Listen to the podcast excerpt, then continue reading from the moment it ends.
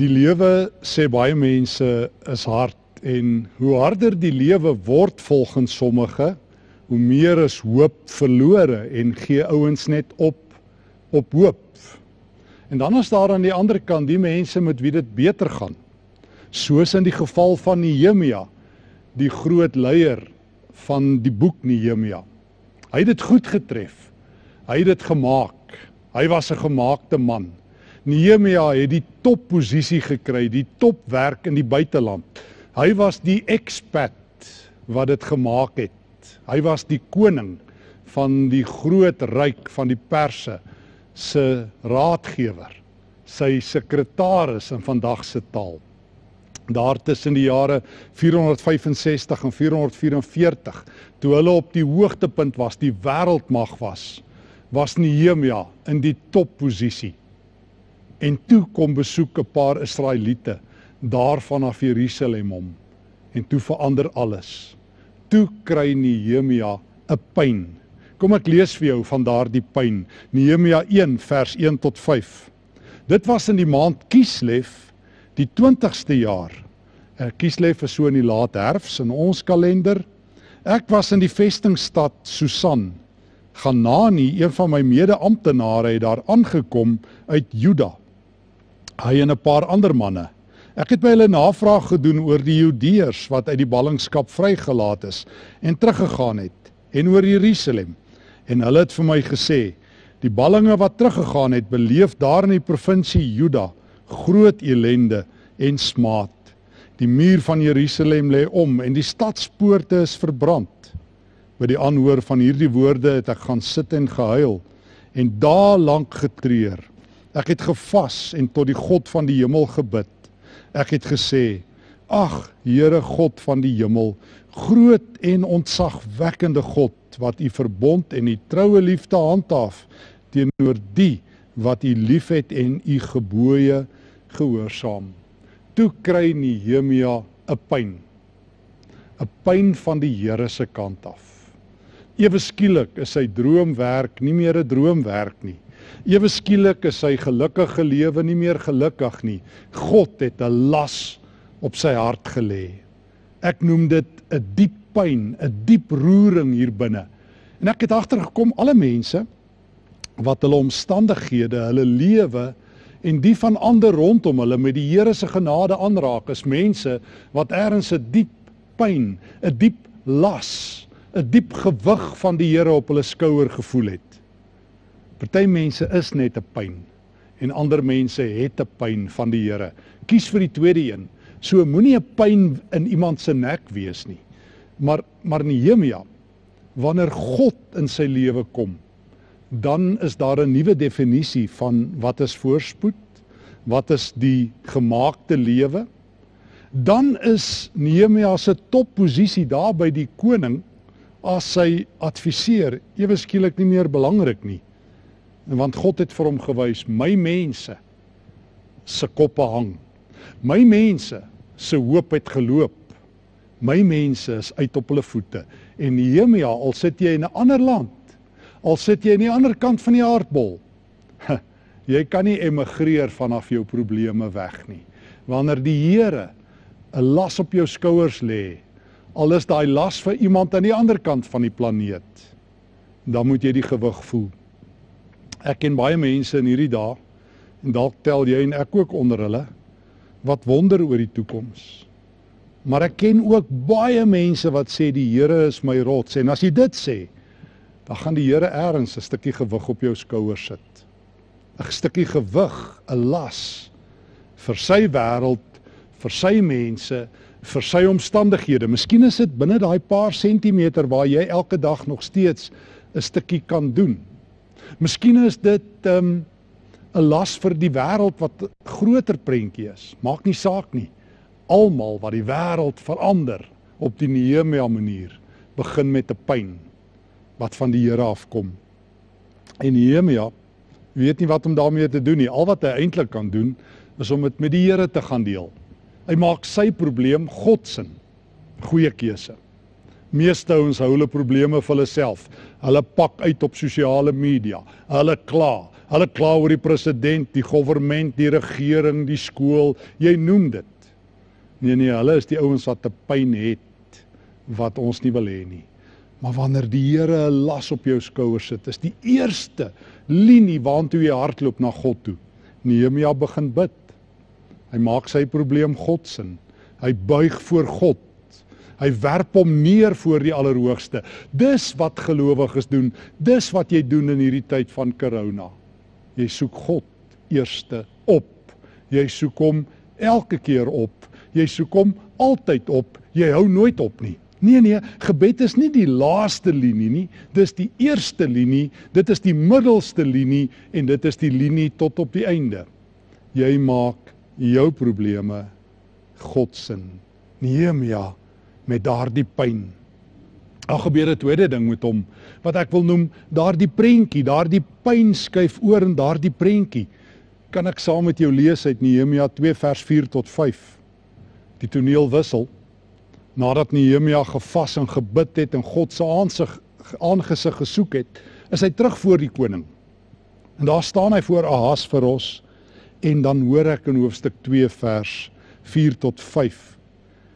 Uh as hy daar staan met 'n redelike omgekrapte gesig, dan sê die koning vir hom: "Is daar iets wat jy vir my wil vra?"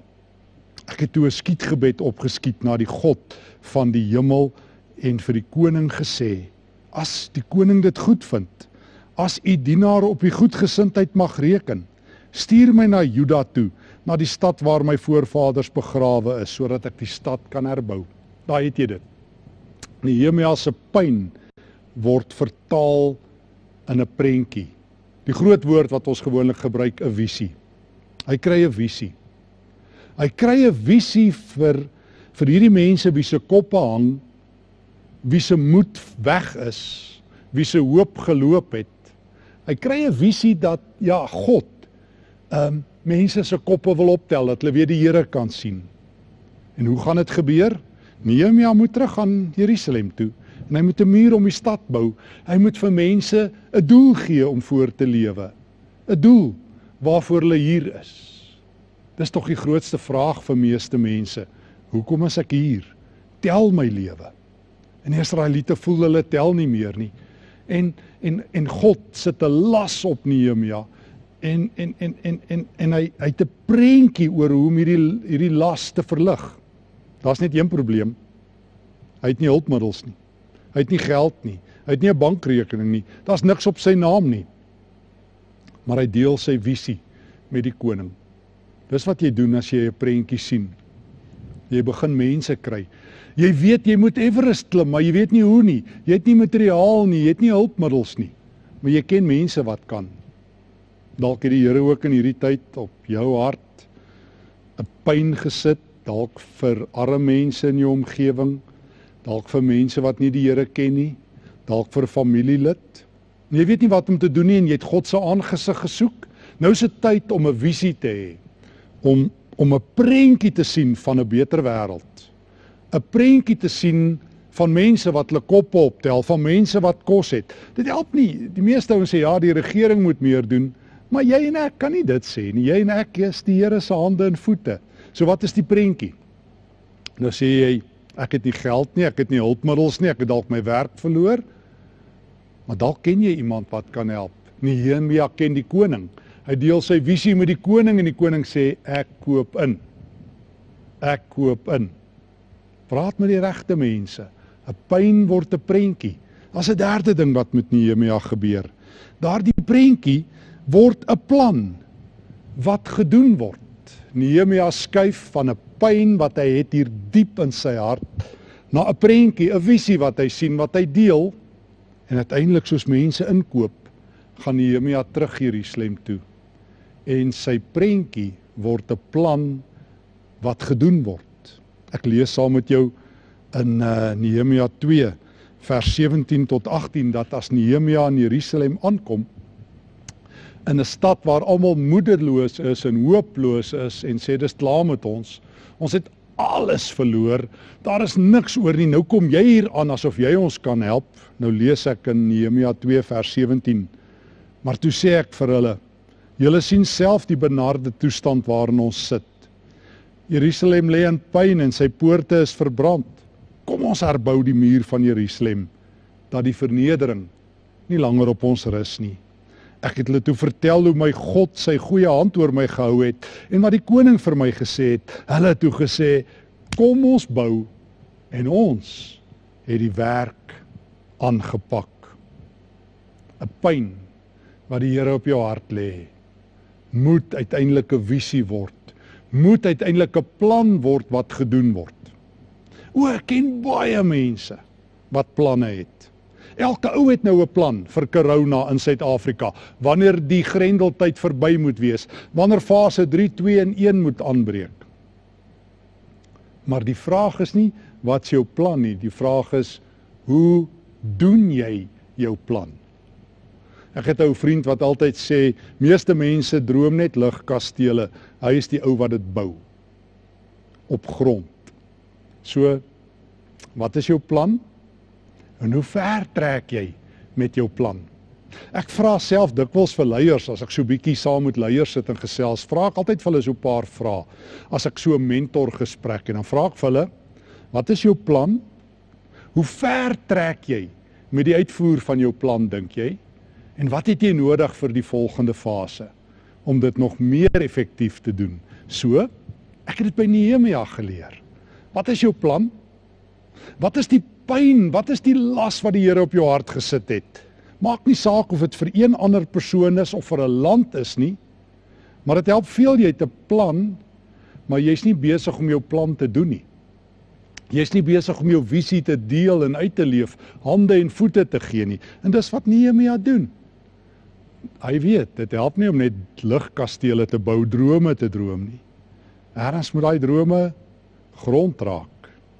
En as hy in Jerusalem is, dan sê hy ek het hierdie visie van die Here.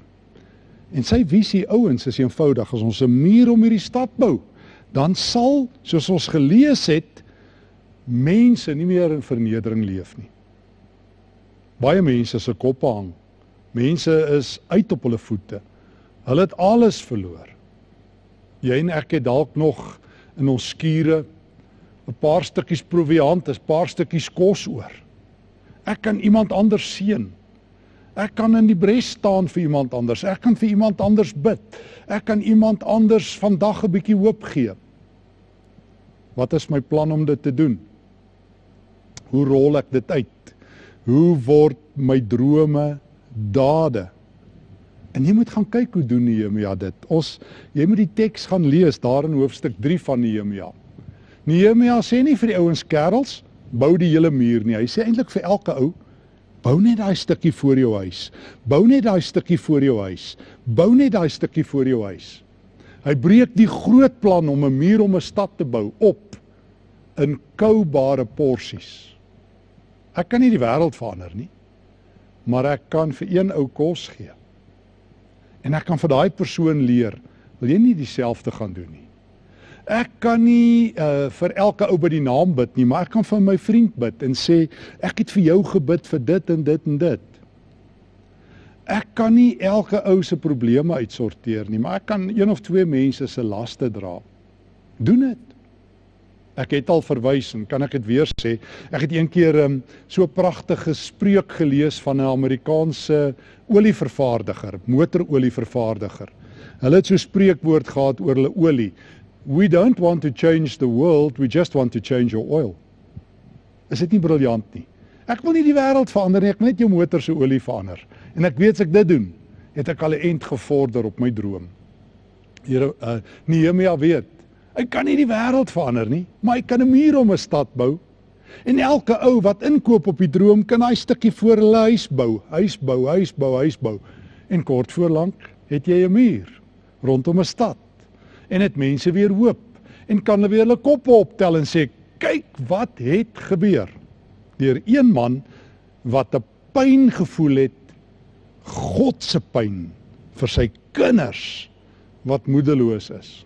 Oor dit breek God se hart dat gelowiges swaar kry. Oor dit breek God se hart dat gelowiges nie kos het nie. O God se hart lek liefde maar hy gebruik vir jou en vir my en hy maak sy pyn jou en myne. Hy laat sy hart in jou en my klop. Hy gee vir ons 'n prentjie en hy gee vir ons planne. Doen dit net asseblief. Plan doeners is die mense wat die wêreld verander. Nie ouens wat planne het nie. Daar gebeur 'n vierde ding met Nehemia. En ek lees daarvan in hoofstuk 5 vers 1 tot 4. Nehemia weet die lewe is soos wat ons altyd vir mekaar sê nie maanskyn en rose nie. Lewe is hard. Hierdie lewe is so hard soos ek altyd sê dat nie een van ons lewendig hier gaan uitkom nie. Hierdie lewe is so hard dat meeste van ons nog eendag 'n asem gaan uitblaas en dan sit klaar met ons. Lewe is hard. Die prediker, daai ander moeilike skrywer van die Bybel, hy sê sommer pad langs in Prediker 9 vers 2 en 3. Hy sê sommer die probleem met hierdie lewe is dat dieselfde lot almal tref. Soos dit met die goeie gaan, gaan dit met die slegte. Lewe is hard. Geloof is nie bietjie watte wat my toedraai en dan sweef ek so 'n wolkie van geluksaligheid hemel toe nie. Of ek kry alles wat ek uh, voorbid nie. Of alles word nou net waar al my drome nie. Dis 'n Hollywood movie. Dis 'n Walt Disney fliek. Maar die lewe is hard en daarom daar probleme. Daarom stry mense. Daarom beklei mense. Daarom is ons land in baie kanne en kruike. Dit sal nie anders wees tydens of na corona nie. Dis hoe die wêreld uitspeel. Die wêreld is hard. Die wêreld is moeilik. Maar God sê mense wat sy pyn gevoel het, wat sy prentjie, sy visie gesien het, wat sy planne uitvoer, is ook mense wat probleme aanspreek en oplos. Nehemia doen dit. Nehemia 5 vers 1 tot 4. Hoor nou, hier's nou 'n probleem en hoor hoe spreek hy dit aan.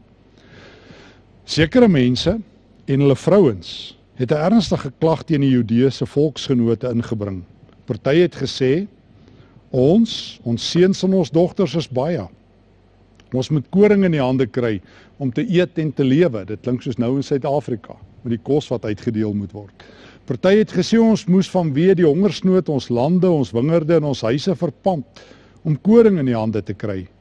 Party het gesê ons moes geld leen om aan die koning die belasting op ons lande en op ons wingerde te betaal.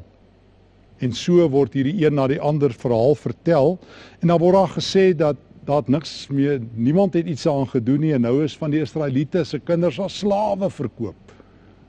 Dit het Nehemia verskriklik ontstel. Ek lees in Nehemia 5 vers 6. Ek was hewig ontstel toe ek die klag en die beskuldigings hoor. En toe het ek gesê vir die volksgenote: "Julle is besig om julle volksgenote uit te byt." Hy het toe 'n volkvergadering belê en hy het hierdie probleem aangespreek en hy het gesê dit sal nie verder gebeur nie. Uh Nehemia 5 vers 9. Dis nie 'n goeie ding dat uh, Israeliete, die Here se mense slawe is nie. Dit moet stop. Ons moet eerbied hê vir God. Ons gee van vandag af mense se lande vers 11 vir hulle terug en ons skeld hulle vry van hulle rente. En toe die ouens dit gedoen. Wat 'n moeilike probleem. Jy hoor dit. Die Israeliete het begin om mekaar te onderdruk. Hulle het begin om hulle eie mense as slawe te verkoop. En toe kom klaar mense by Nehemia. En toe het hy nie maar gesê wat meeste ouens sê, "Sjoe, ek is jammer ouens. Ek sal aan julle dink nie. Ek sal vir julle bid nie." Ja, dit ook. Maar hy het gesê, "Kom ons stop die moeilikheid. Kom ons staan op vir die stemloses. Kom ek gaan staan in die pad van die magshebbers." En dis wat 'n gelowige doen. Jy word 'n stem. Jy word 'n stem vir mense wat nie stemme het in hierdie tyd nie. God se vriende. In Psalm 146 is die armes, die weduwees, die weeskinders, die vreemdelinge, die mense in gevangenisse, die oues van daar. God sê jy en ek moet hulle stemme word. Jy en ek moet opstaan. Jy en ek moet iets aan probleme doen. Mense wat God se pyn het en sy visie het en sy planne uitvoer is ook mense wat probleme oplos. Maar dit nie net los nie. Ons vee dit nie net onder die mat in en hoop dit lê daar nie. Ons vat dit, hanteer dit, los dit op en beweeg aan. Geen wonder nie dat daar nog iets is wat in Nehemia se lewe gebeur. Ek lees daarvan in Nehemia hoofstuk 8 vers 2 tot 3. Nehemia word 'n pryssanger. Nehemia maak 'n nuwe venster oop vir mense op God. O ja. Sy visie is um, om mense se koppe op te tel. En wat gebeur as 'n gelowige se kop optel? Hoop kom weer in. En ons sien weer vir God. En ons sien weer 'n nuwe samelewing. En ons het weer hoop in ons geloofsgemeenskap. En dis presies wat Nehemia doen. In hoofstuk 8, omdat hy 'n pyn gehad het in 'n ver land, het hy sy geld gelos, sy topposisie gelos, na sy mense toe gegaan. Hy het um, sy visie in 'n plan omskep. Die mure is gebou. Hy het die probleme aangespreek en nou is prys en lof en God se woord weer terug in die stad. Hoor net Nehemia 8 vers 2 tot 3. Die hele volk het soos een man bymekaar gekom op die plein voor die waterpoort en vir Esra die skrifgeleerde gevra om die wetboek van Moses waarin die beveel van die Here aan Israel uh, opgeteken is te bring. Die priester Esra het toe die wet voor die gemeente gebring man en vrou, elkeen wat kon verstaan. Dit was op die eerste dag van die sewende maand. Nou hoor ons hoe hy daaruit gelees het. En dan hoor ek so eentjie verder hoe die hele volk dan begin het om op die loofhuttefees God te loof en te prys. God se woord is weer terug. God se lof is weer terug op die strate deur een man. Mense het weer reg opgestaan. Jy het nou sukses. Hoe lyk 'n wen? Ek meen, jy kan vir enige sport ou vra, hoe lyk 'n wen? Vra vir 'n atleet, hoe lyk 'n wen? Ou wat eers deur die deur die lint hardloop. Jy kan vir enige rugby span vra, hoe lyk 'n wen? Ouens wat aan die einde van 80 minute die meeste punte het. Jy kan vir enige um, sport vra. 'n Wen is duidelik gedefinieer. So, hoe lyk 'n wen op die Here se terrein? Wanneer 'n pyn oorgaan in lofprysing wanneer 'n pyn in iemand se hart maak dat iemand weer God se woord vind, God sien, dan is daar 'n wen. O, wanneer jy daai stikkende mense daar op die grond lê optel op jou skouers, dan is daar 'n wen. Wanneer jy daai hooplose ou wat nie kos het nie 'n stukkie brood gee, registreer daar 'n wen. Wanneer 'n verlorene in God se arms vashardloop, het jy 'n wen. Weet jy, Dit gebeur met Nehemia, een man wat sy droom, sy visie gehou het. Wat sy sekuriteit opgeoffer het vir God se droom. Wat weet my waarde is dit wat ek weggee. My waarde is dit wat ek vir ander mense doen. Kan ek weer sê? My waarde is nie dit wat ek in myself het nie, maar hoe ek my lewe vir die Here gee. En ek wil jou uitnooi Wat se pyn het jy? Wat se prentjie sien jy? Wat se planne het jy? Wat se probleme los jy op? Waar is daar lofprysing? Waar is daar prysgebede omdat jy doen wat die Here sê? Mag die Here gee dat daar 'n pyn in jou hart sal wees wat van God afkom. 'n Prentjie wat van God afkom. 'n Plan wat van God afkom. 'n Probleemoplossing wat van God afkom en nuwe lof in jou omgewing, nuwe prys. Lof aan die Here wat van God afkom. Kom ons bid. Here baie baie dankie dat ek saam met Nehemia kan reis. Dankie dat U 'n las op my skouers ook sit vir U wêreld, vir U mense. Geef my U visie, U planne. U planne om die wêreld anderster te maak. U planne sodat mense hier rondom my weer God sal loof en prys. Dankie dat ek dit mag bid in die naam van Jesus. Amen.